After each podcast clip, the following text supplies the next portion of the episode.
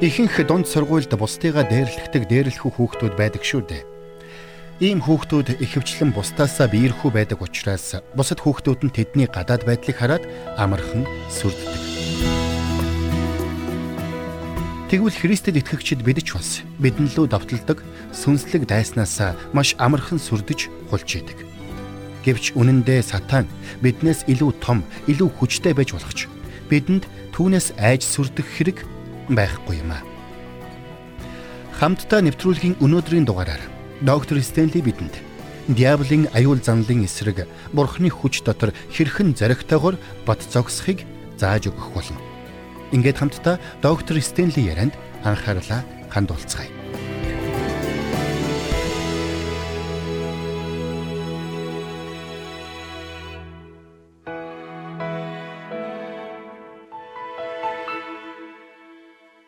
За тэгэхээр юуны өмнө итгэлийн амьдрал гэдэг бол амар хялбар амьдрал биш.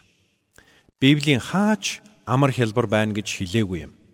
Харин ч Библиэд итгэлийн амьдралыг тэмцэл тулаанаар дүүрэн байна гэж өгүүлсэн байдаг юм. Эзэн Есүсийг амьдрч байх үед ч тэмцэл тулаанаар дүүрэн байсан. Есүсийг цовдлогдож үхлээс амьлан тэнгэрт одсны дараа буюу элч нарын өдрүүдэд ч тэмцэл тулаанаар дүүрэн байсан. Анхны чуулганы үеэс эхлээд өнгөрсөн бүхий л түүхийн туршид итгэж хүмүүсийн амьдрал тэмцэл тулаанаар дүүрэн байсаар ирсэн юм. Тийм учраас Илч Паул 1-р Тимот загтлын сүүлийн бүлэг дээр итгэлийн сайн тэмцлэр тэмц хэмээн уриалсан байдаг. Тэгвэл Илч Паул энд юуны тухай өгүүлсэн юм бэ? Паул энд бидний итгэлийн амьдралын тухай өгүүлсэн юм. Учир нь бидний итгэлийн амьдрал бүхэлдээ сүнслэг тулаан сүнслэг тэмцэл үлээ. За ингээд хамтдаа энэ цагт 2 дугаар Тимот номын 1 дугаар бүлгийн 8 дугаар ишлэгийг харъя. Өнөөдөр би та бүхэнтэй итгэлийн хүн танд тулгардаг сорилтын тухай ярих болно. Илч Паулийн хувьд тэрээр сүнслэг тэмцэл донд амьдрахын утга учирыг бүрэн дүүрэн ойлгож ухамсарласан нэгэн байсан. Тийм ч учраас залуу Тимотед өгсөн Паулийн зөвлөгөөнүүдээс өнөөдрийн бид ч бас маш олон зүйлийг ойлгож ухаарах боломжтой юм. Тэр ч утгаараа Бидний одоо унших ишлүүд нь өнөөдрийн бидний итгэгч хүн нэг бүртээ шууд холбоотой гэж ойлгож болно. 2 дугаар Тимотийн 1-р бүлгийн эхэнд Элч Паул Тимотийн их болон эмэг эхийнх нь итгэлийг түнд сануулж харин 6 дугаар ишлэлдэр Бурхны бэлгийг сэргээхийг чамд сануулъя гэж хэлсэн байдаг. Тэрээр үргэлжлүүлэн Бурхан бидэнд айдсан бос харин хүч, хайр, бие захирах сүнсийг өссөн хэмээн сануулад энэ чухал үнэнд тулгуурлаад дараах чухал үгсийг Тимот хүүдээ загчээ. Ингээд хамтдаа 2 дугаар Тимотийн 1-ийн 8-аас 18-ыг уншицгаая. Тиймээс бидний эзний гэрчлэлээс ч түүний хоригдл надаас ч бүйч. Харин Бурхны хүчээр сайн мэдээний төлөө надтай хамт зов. Тэр биднийг ажил үйлсээр мань бус харин өөрийнхөө зориг болон өн мөнхөөс Христэс дотор бидэнд сойрхсон нэгүслийн дагуу аварч ариун дуудлагаар дуудсан юм. Харин идүүгээ энэ нь бидний аврагч Христ Есүсийн үзэгдснээр илчлэгдэжээ.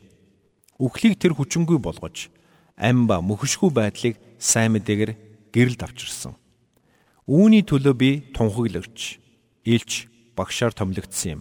Энэхүү шалтгааны улмаас би мөн зовдөгч, ичдэггүй. Учир нь би хүнд итгэснээ мэддэг юм.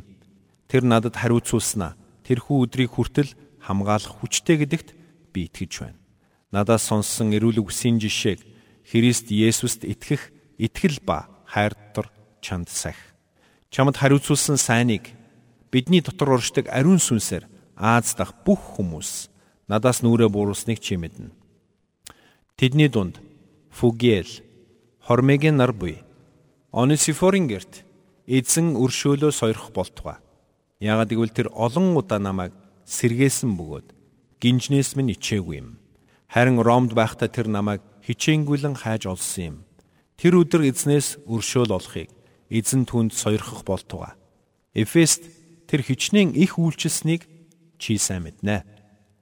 За ийхүү чуулганы залуухан өдөрдөгч Тимотед хандан Паул эдгээр үгсийг загсан байна. Тухайн үед Тимот Эфесийн чуулганы өдөрдөж байсан. Эфесийн чуулганыг Паул анх сайн мэдээний 3 дахь аяллахаа үеэр байгуулж Тэндээ 3 жил орчим хугацаанд байж чуулганыг босгон байгуулсан.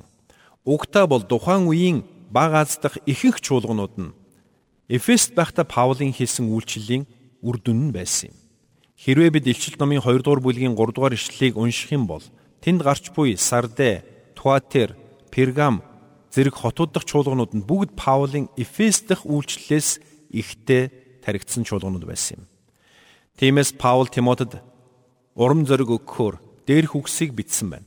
Учир нь Тимотиг ямар хүнд хэцүү асуудлуудаа нүүр тулж байгааг Паул сайн мэдэж байсан.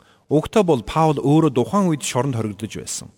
Түүгээр ч зогсохгүй Уг загтлыг бичээд удаагүй байхдаа тэр цаазлуулан амиа алдсан юм. Илч Паулыг Нэро хааны үед цаазар авсан бол харин Петрийг уруу харуулan загалмаад цовдлсон гэж үздэг. Паулийн хувьд ийхүү шоронгоос загтал бичиж байхдаа өөрийгөө тун удахгүй өөхөх болно гэдгээ мөн мэдэж байсан. Тиймээс ч Паул Тимотед урам зориг өгөхийн тулд энэ бүхнийг бичсэн юм. Ингэхдээ Паул энэ хэсэгт онцгойлон хоёр чухал зүйлийг Тимотед сануулсан байна. Юуны түрүүнд бид итгэлийн амьдрал гэдэг бол тэмцэл тулаан гэдгийг ойлгох ёстой шүү. Тийм ч учраас Паул 1-р Тимотийн 6-гийн 12 тэлэгтээ итгэлийн сайн тэмцлэр тэмцээрээ хүмүн хэмээн уриалсан байна. Мөн 2-р Тимотийн 4-7-ыг харах юм бол Паул би сайн тэмцлэр тэмцсэн, би замаа дуусгасан, итгэлээ сахисан хэмээн эцэг хүний дүрээр бичсэн юм. Тэгвэл Паул энд юуны түрүүнд Тимотиг юунд уриалсан бэ? Тэр Тимотиг тэмцэлд уриалсан. Тимото чи энэ сүнслэг тэмцэлд нэгдэрэ гэж Паул загсан юм. Үүний тулд чиний зүгээс эр зориг шаардагдана. Чи айж хулчиж болохгүй, сайн мэдээнээс ичиж болохгүй, харин сайн тэмцлэр тэмцэж, сүнслэг тэмцэлд бат зогсож, итгэлийн амьдралдаа амжилтаар дүүрэн байх хэрэгтэй гэж Паул Тимотед сануулсан юм. Тэгвэл Паул Итгэлийн сайн тэмцлэр тэмц гэж хэлэхдээ яг юуны тухай өгүүлсэн юм бэ? Паулинд ямар нэгэн бие махбодын тэмцэл тулааны тухай өгүүлсэнгүй. Харин энд Христэд итгэгчид бид итгэлийн амьдралдаа өдөр бүр нүүр тулж байдаг тэрхүү сүнслэг тэмцэл тулааны тухай өгүүлсэн юм. Сатан бидний эргэн тойронд буй нийгмийн итгэл үнэмшлэр дамжуулан эсвэл бидний дотор буй махбодын нүгэлт хүсэл тачаалаар дамжуулан эсвэл диаволын уруу татлагаар дамжуулан ямар нэгэн байдлаар биднийг унгаж бүдрүүлж сүрүүлэхийг хүсэж байдаг. Тэр утгаараа зовлон бэрхшээл, уруу датлаг, сорилт, хавчлаг, дарамт, сүнслэг тэмцэл нь бидний хувьд итгэлийн амьдралын салшгүй нэг хэсгүүд юм. Тиймээс Есүс Христэд итгээд амьдрал нь бүхлээрээ сайхан болно гэж бодож байсан хүмүүс эхэндээ сэтгэлээр ихэд ундаг. Учир нь нөхцөл байдал тэдний хүссэн шиг өөр болдоггүй. Хэрвээ та тийм бодолтой байдаг бол би танд хэлье. Та Матай эсвэл Даниэл номд бичигдсэн ирээдүйн тухай иш үзүүлгүүдийг уншаад үзээрэй. Есүс Христийг ирэх хүртэл цаг үе улам бүр цөвүүн болох болно гэдгийг тэнд маш тодорхой бичсэн байна. Тиймээс найз минь Есүст итгэхэд бүх зүйл үлгэрийн юм шиг сайхан болно гэж бодож байгаа бол та том эндүрч байна шүү. Тийм учраас Христэд итгэгчид бид энэхүү бурхангүй зөвүүн цаг үед хэрхэн амьдрах вэ гэдгээ урдаас бодож шийдвэр гаргах нь чухал юм. Учир нь хэдийгээр цаг үе улам бүр зөвүүн босоор байсан ч Христийг гэрчлэх бидний гэрчлэл хүчтэй хിവэрэ бидний амьдралаас цацрах Бурхны гэрэл илүү хурц тод хിവэрэ байх учиртай юм. Паулийн хувьд Тимотед хамгийн түрүүнд Тимото чи энэ сүнслэг тэмцэлд нэгдэрэ бүү аа бүү хойшсуу бүү ухарч няц гэж сануулсан юм. Цаашилбал Паул Тимотиг хоёр зүйлээс ичиж болохгүй гэж сануулсан. Нэгдүгürt сайн мэдээнээс бүүж, хоёрдугаарт сайн мэдээ тараагч хүнээс ч бүүйч гэж хэлсэн юм. Өөрөөр хэлбэл Паул Тимотед хүчтэй бай, зоригтой бай, бүүэ, бүүйч гэж хэлсэн юм. Хэрвээ бид 2 дугаар Тимотийн 3-ын 12-ыг харах юм бол Паул Тимотед үнэн дээр Есүс Христ дотор сүсэг бишрэлтэй амьдралыг хүсэгч бүх хүн хавчигдах болно хэмээн сануулсан байна. Илч Паулийн хувьд аваад үзэх юм бол түүнд дөрвөн төрлийн дайсан байсан. Бидний хувьд нэг юм уу хоёр төрлийн дайсантай нүүр тулахад л өөрсдийг аюулд орлоо гэж боддог шүү дээ. Гэтэл Паул дөрвөн төрлийн дайсан байсан. Хэрвээ та Үлс номыг унших юм бол энэ тухай тодорхой өгүүлсэн байгаа. Илч Паул анх Христэд итгээд араб руу явсан байдаг. Бурхан түүнийг арабт байхад нь өөрчилж, Бурханы талаарх болон Есүс Христийн талаарх үзэл, бодол, онол, теологийг нь өөрчилсөн юм. Улмаар түүнийг эргэн ирж Есүс Христийг тунхаглаж эхлэх үед Евдэчүүд түүнийг мөрдөж мөшгөж эхэлсэн байдаг. Паул хаашаа л явна тэнд түүнийг үзэн ядаж, дайрч, довтлох хүмүүс хүрээлж байсан байдаг юм. Эсвэл түүний араас мөр даган мөшгөж очдөг байсан. Яагад гэвэл түүнд дараах дөрвөн төрлийн дайсан байсан юм. Түүний эсрэг дайсагнаж байсан эхний бүлэг дайснууд бол үл итгэгч юудэчүүд байсан юм. Тэд Илч Паулыг урагч гэж харж байсан. Тэд Паулыг Евдийн шашны номер 1 дайсан гэж харж байсан. Учир нь Паул амилсан Христийг тунхаглаж байсан юм. Гэтэл Паул өөрөө нэгэн цагт Христийг болон түүний дагагч нарыг устгахаар улаар нь зүтгэж байсан шүү дээ. Хоёрдугаарт Паул дайсагнаж байсан дараагийн бүлэг хүмүүс бол өөрсдөө Есүс Христэд итгэсэн боловч итгэгчдийг Евдэн шашны хуулийг сахин амьдрах ёстой гэж сургаж байсан итгэгч юудэчүүд юм. Тэд хүмүүст та нар Христэд итгэсэн сайн хэрэг боловч итгэлийн амьдралаар амжилттай амьдрахын тулд та нар юудын шашны хуулийг мөн дагаж мөрдөх ёстой гэж зааж байсан юм. Гэтэл Паул хуулийг биш, Бурхны нэгүслийг тунхаглаж байсан. Паул тэдэнд та нар хуулийг сахих шаардлагагүй. Учир нь хуулийг Есүс Христ төгс гүйцэлдүүлсэн. Тиймээс Бурхны нэгүсэл хуулийг хүчингү болгосон юм хэмээн хариулж байсан. Тиймээс тэд Паулыг дайсан хэмээн харж байсан. За мөн Паултай дайсагнаж байсан 3 дахь бүлэг хүмүүс бол тухайн үеийн сүм чуулган дотроос төрөн гарч байсан тэрс үзэлтнүүд юм. Тэд өөрсдийгөө чуулган дотор өргөмжилж зүсэм бүрийн буруу сургаал сүм чуулганыг хуваан хагаралдуулж байсан юм. Үүний зэрэгцээ тэд Илч Паулыг шүүмжлэн буруутгаж түүнийг сайн мэдэг говьлогч хэмээн зүтгэж байсан. Эцэст нь мэдээж түүний эсрэг зогсож байсан хамгийн том дайсан бол Ромын засгийн газар байсан юм. Тэд Паулыг урам тэрслэгч гэж харж байсан. Тэд Паулыг ямар нэгэн хувьсгал хийх гэж байгаа хөдөлгөөний толгойлогч мэтэр үзэж байсан юм. Тэгвэл ийм том дөрвөн дайсантай тулж байсан Паул эцэст нь ганцаархнаа шоронд хаягдсан байсан. Тэгэд бүгд Паулыг дайснаа гэж харж байсан. Тэр бүхэл Христэд итгэгч ивдэчүүд хүртэл Паулыг буруутгаж түүн рүү янз бүрийн аргаар довтлож байсан. Харин ийм нөхцөл байдал донд Паул энд юу гэж хэлсэн бэ? Тимото надаас бүү ичээрэ бас сайн мэдээнээсээ ч бүү ич гэж хэлж байсан юм. Хамтдаа Паулын энд хэлсэн үгийг дахин нэг уншийе л да. Тиймээс бидний эзний гэрчлэлээс ч түүний хоригдл надаас ч бүү ич. Харин Бурхны хүчээр сайн мэдээний төлөө надтай хамт зов гэж Паул хэлсэн байна. Паул Тимотиг зовлон идэлхтэй бэлэн бай. Гүтгүүлэхтэй хавчигдахдаа бэлэн бай гэж хэлсэн. Ингэхдээ энэ нь сайн мэдээний төлөө юм шүү гэж тодтгосон байна. Бас чи үүнийг Бурхны хүчээр л хийх ёстой юм шүү гэж сануулсан байна. Залуу өдөрдөгч Тимот Эфес хотод өрнөж байсан хавшлаг дарамтыг даван гарахад маш хэцүү байх болно гэдгийг Паул мэдэж байсан. Хамтдаа хэсэг хугацаанд тухайн үеийн Эфес хотыг аваад үзье. Эфес хот бол Бага Аз дахь хамгийн агуу хот байсан. Учир нь Эфес хот тухайн үедээ худалдаа, шашин, улс төрийн чухал зангилаа хот байсан юм. Шашин шүтлгийн хувьд Эфест дэлхийн эртний долоон гайхамшигын нэг болох Диана буюу Артемисийн сүм байрладаг байсан. Артемис нь үржлийн охин тэнгэр гэгддэг байсан учраас энэ сүм бүхэлдээ биеэ үнэлэлт завхаарлын төв болсон газар байсан юм.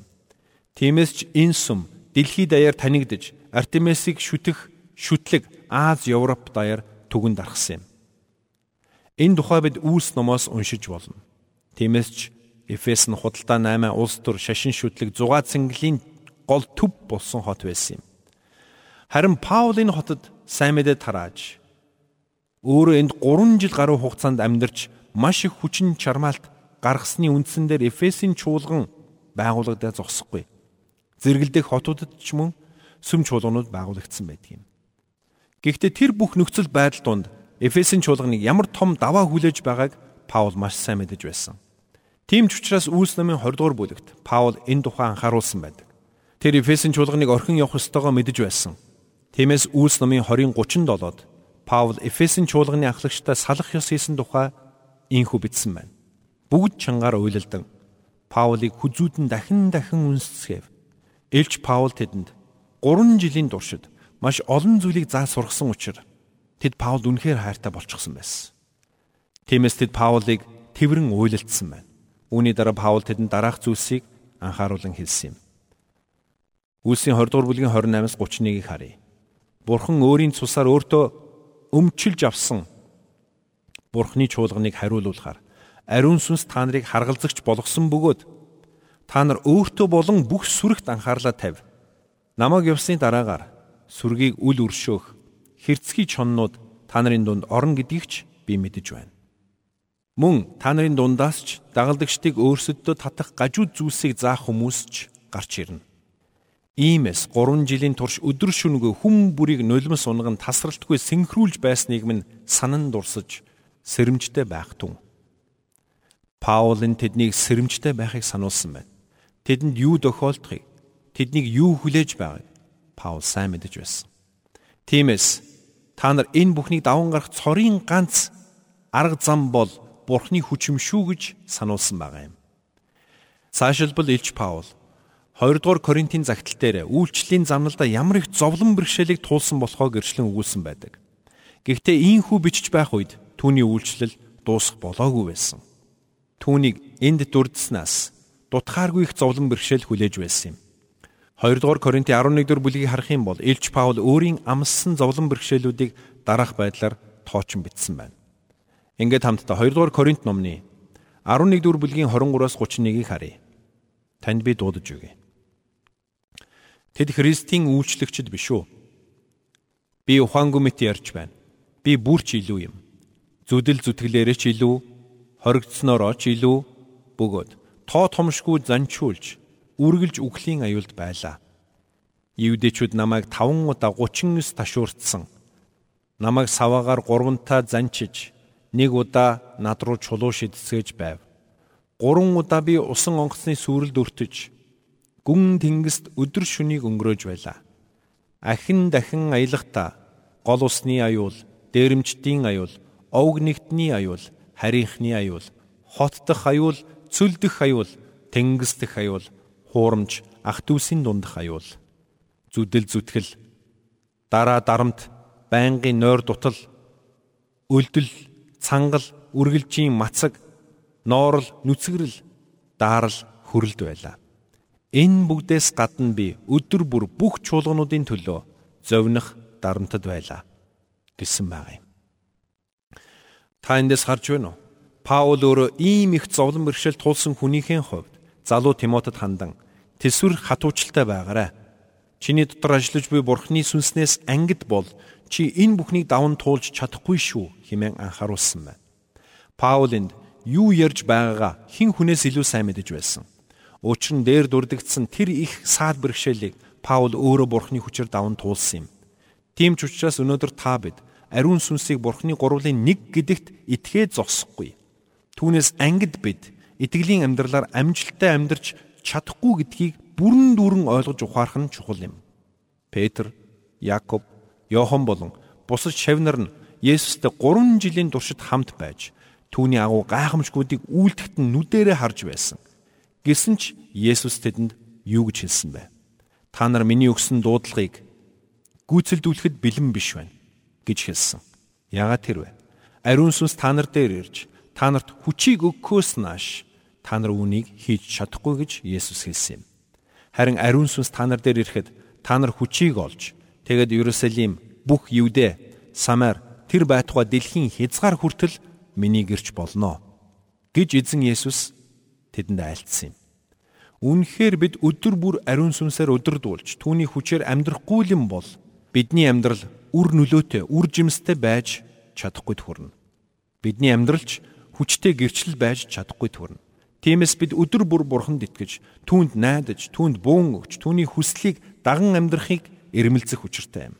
Энэ нь зөвхөн номлол хийх, хичээл заах, магтан дуулах, сүм дүүлжлэгтэй холбоотой гэж бид ойлговол өрөөсгөл хэрэг болно. Бид итгэлийн амьдралдаа тулгарч буй сорилт, уруу датлаг, сүнслэг дайралт, зовлон бэрхшээл, хавчлаг дарамтыг даван гарахад ч ариун сүнсний хүч бидэнд хэрэгтэй юм. Тиймээс Христэд итгэгчд бид сайн муу аль ч тохиолдолд ариун сүнсэнд түшиглэн амьдрах учиртай байна. Тийм ч учраас Паул Тимотед хандан Тиймээс бидний эзний гэрчлэлээс ч түүний хоригдл надаас ч бүйж харин бурхны хүчээр сайн мэдээний төлөө надтай хамт зов гэж хэлэхтэй. Бурхны хүчээр гэдэг үгийг онцолсон юм. Цаашилбал Паул Тимотиг хамт тэмц, хамт зов хэмээн уриалгахдаа түүнийг зоригтой байхыг сануулаа зогсохгүй, итгэлтэй байхыг ч мөн сануулсан байна. Бид итгэлийн амьдралынхаа зовлон бэрхшээлүүдийг хөдөлшгүй бат итгэлээр л даван туулж чадна. Бид итгэлийн амьдралдаа зовлон бэрхшээлийн өмнө зоригтой байхын тулд бидний итгэл хөдлөшгүй бат байх нь чухал юм. Бид итгэлтэй байж чадахгүй бол зоригтой байж чадахгүй. Тиймээс 2 дугаар Тимотийн 1:8-д Паул хэлэхдээ Бурхны хүчээр сайн мэдээний төлөө надтай хамт зов гэж хэлээд араас нь ийн хүү зоригтойгоор зовлон эдлэх шалтгааныг хэлж өгсөн байна. 1-р Тимоти 1:9-ыг харах юм бол тэр биднийг ажил үйлсээр маань бус харин өөрийнхөө зориг болон үн мөнхөд Христ Есүс дотор бидэнд сойрхсон нэгүслийн дагуу аварч ариун дуудлагаар дуудсан юм а. Үнэхээр бидний амьдралд хандсан Бурхны зориг дуудлага нь бидний итгэл найдвар, эр зоригийн үндэс суурь юм. Тиймээс ч Паул Тимотед хэлэхдээ Тимото хүүмэн чи эр зоригтой итгэл найдвараар дүүрэн байх шалтгаан бий. Яагад гэвэл Бурхан чамайг аврахаар сонгосон. Чамайг ариун амьдрал руу дуудсан. Бурханы энэ мөнхийн зориг байгаа учраас энэ зорилгын дагуу өгөгдсөн Бурханы нэгүсэл байгаа учраас чамд эр зоригтой итгэл найдвараар дүүрэн байх хангалттай шалтгаан бий хэмээн сануулсан байна. Тэгвэл та энэ зүйлийг бодод үзээрэй. Тимотед хэлэгдсэн энэ үг та бидэнд ч мөн шууд утгаараа хамааралтай юм. Та бидэнд ч бас Есүс Христийг болон түүний сайн мэдээг тунхаглахдаа эр зоригтой итгэл найдвараар дүүрэн байх хангалттай шалтгаан бий. Итгэлийнхээ төлөө бат зогсох хангалттай шалтгаанч бий. Тэр нь юу юм бэ? Энэ бол биднийг дуудсан Бурхны дуудлага. Энэ бол биднийг сонгосон Бурхны сонголт. Бурхан итгэж хүн нэг бүрийг ертөнцийн суйраас ч өмнө сонгож өөрө дуудсан. Ийхүү дуудаа зогсохгүй. Энэ дуудлагын дагуу амьдрах хангалттай нэгүслийг бидэнд өгсөн. Энэ л нэгүслийн улмаас бид өдөр бүр Бурхны хүчийг хүлээн авч Бурхны сайн сайхан хайр инэрлийг амьдралдаа мэдрэн амьдрах боломжтой болсон юм. Тиймээс итгэгч биднийг итгэлээр дүүрэн байх үндсэн шалтгааныг хэлэхдээ Есүс Христийн доторх бидний байр суурийг онцолсон юм. Цаашлбал биднийг зоригтой, итгэлтэй байх хоёр шалтгааныг хэлэхдээ Паул бидэнд өгөгдсөн мөн хамийг сануулсан байна. Ингээд хамтдаа 2 дугаар Тимотийн 1:10-ыг уншийе. Харин идүүгээ энэ нь бидний аврагч Христ Есүсийн үзэгдснээр илчлэгдэжээ. Үхлийг тэр хүчингүй болгож ам ба мөхшгүй байдлыг сайн мэдээгээр гэрэлд авчирсан гэсэн байгаа юм. Паулынд Христэд итгэж биднийг зоригтой, итгэлтэй байх хоёр шалтгааныг хэлэхдээ эхлээд энэ нь бидний аврагч Христ Есүсийн үзэгдснээр илчлэгдсэн юм а гэж хэлсэн байна. Тэгвэл Паулынд юуны тухай ярьж байна вэ? тэр үүнийг тодруулан хэлэхдээ үхлийг тэр хүчингүй болгож ам ба мөхшгүй байдлыг сайн мэдээгээр гэрэлд авчирсан юм а гэсэн байгаа юм. Гэрэлд авчирсан гэдэг нь халгалагдсан, харанхуйлагдсан байсан бүх зүйлс гинтхэн ил болж нүдэнд үзэгдэхүйц болсон гэсэн үг юм. Хүн төрлөختөн тамийн шийтгэлээс аврагдах цорын ганц арга зам нь сайн мэдээ байсан. Та бид Есүс Христийг хэрхэн таньж мэдсэн бэ? Сайн мэдээгээр дамжуулан таньж мэдсэн бид өөрсдийн хүлээн авсан мөн хамийн талаар анх яаж мэдсэн бэ? Сайн мэдээгээр дамжуулан мэдсэн. Ариун сүнсээр өдөрдүүлэн амьдрах ёстойгоо бид яаж мэдсэн бэ? Сайн мэдээгээр дамжуулан мэдсэн. Үнэхээр сайн мэдээгээр дамжуулан Христийн тухай бүхэл мэдлэг бидэнд өгөгдсөн юм а. Тэгвэл Паул энд сайн мэдээгээр дамжуулан бидэнд илчлэгдсэн нэгэн чухал үннийг дурдж энэ бол бидний итгэлтэй байх шалтгаан юм хэмээн хэлсэн юм. Энэ бол мөн хам юм. Энэ мөн хам бидэнд Есүс Христийн үхлийг ялсан ялалтаар дамжуулан өгөгдсөн юм. Тэгвэл үхлийг тэр хүчингүй болгосон гэдэг нь юу гэсэн утгатай юм бэ? Энэ нь үхлийг ямар ч ажилгаагүй болгосон гэсэн үг юм. Өөрөөр хэлбэл үхлийн хүч байхгүй болсон гэсэн үг. Үүнийг Паул 1-р Коринт цагталд өөрөө үхлийн хатгуур байхгүй болсон гэж хэлсэн байдаг. Хүмүүс оршуулгын газарт очиод энд түүнийг оршуулсан гэж ярьдаг шүү дээ. Гэхдээ Христэд итгэж Бурхны хүүхэд болсон хүмүүсийн талаар ингэж ярих боломжгүй юм. Учир нь өөд болсон итгэж хүмүүсийг Библиэд биеэсээ хол, эзэнтэй ойр хэмээн тодорхойлсон байдаг. Хэдийгээр өөд болсон итгэж хүний цогцсыг булшинд тавьсан ч тэр хүний газарт булсан хэрэг огт биш юм. Тэгэж хожим нь Есүс Христ дахин ирэх үед нүд эрмхийн зур нэг агшинд сүүлчийн бүрэн дуугаар үхэгсэд үл муутахаар амьлуулагдаж бид өөрчлөгднө хэмээн Библиэд тунхаглан хэлсэн байдаг юм. Тиймээс ч Паул Тимотед урам мөгөн хэлэхдээ чамд зөрөгтэй байх шалтгаан бий.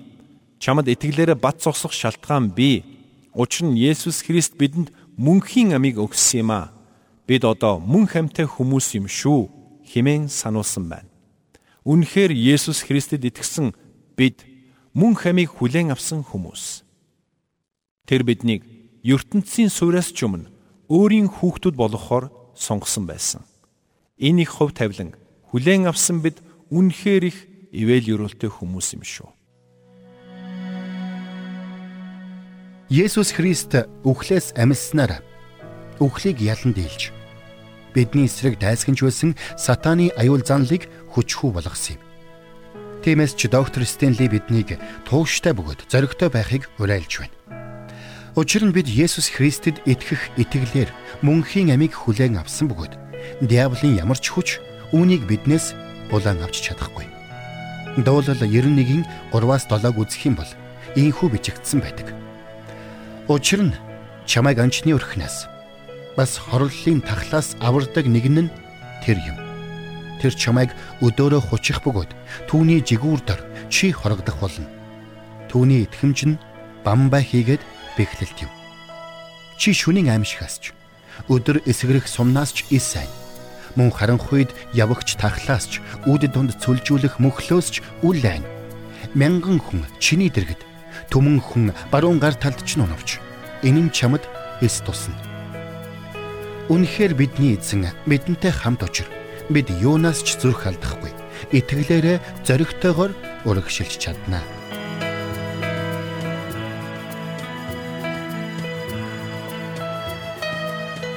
Бурханд тэмүүлсэн сэтгэл хүмүүсийг энэрх зөрхөөр амьдрахад туслах номлогч доктор Чарлз Стенлигийн хамттай нэвтрүүлэг сонсогч танд хүрлээ. Нэвтрүүлгийг дахин сонсохыг хүсвэл ихтгэл радиоцик.com-оор зочлоорой. Бидэнтэй холбогдохыг хүсвэл 8085 99 тэгтэг дугаард хандаарай.